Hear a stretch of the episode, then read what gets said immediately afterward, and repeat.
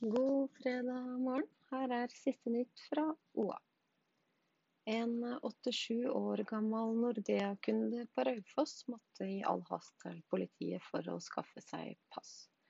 Hvis ikke blei bankkontoen stengt midt i juletrafikken. Barnebarnet Christian Sagbakken reagerer på Nordea sin framgangsmåte overfor trofaste kunder. Denne uka fikk bestemor et brev i posten. Der sto det at fristen for å legitimere seg er satt til 1.12. Hun kunne fått litt bedre tid på seg, dette er uverdig behandling av bestemor, sier han.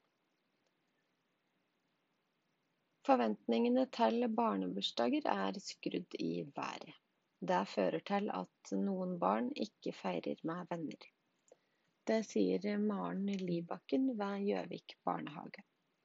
Hun jobber til daglig i barnehagen, og der observerer hun en tendens til at mange foreldre kvier seg for å invitere til bursdager, og at noen dropper feiringa.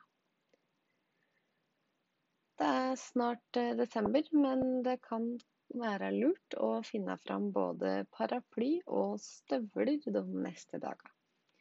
I Innlandet vil det komme opp mot 20 mm nedbør fredag, sier meteorolog Per Egil Haga. Han ser ingen lysning i sikte, og sier at det blir grått også utover i neste uke. Dette var siste nytt fra Oppland Arbeiderblad. Det fikk du av Lisa Granberg Jansen.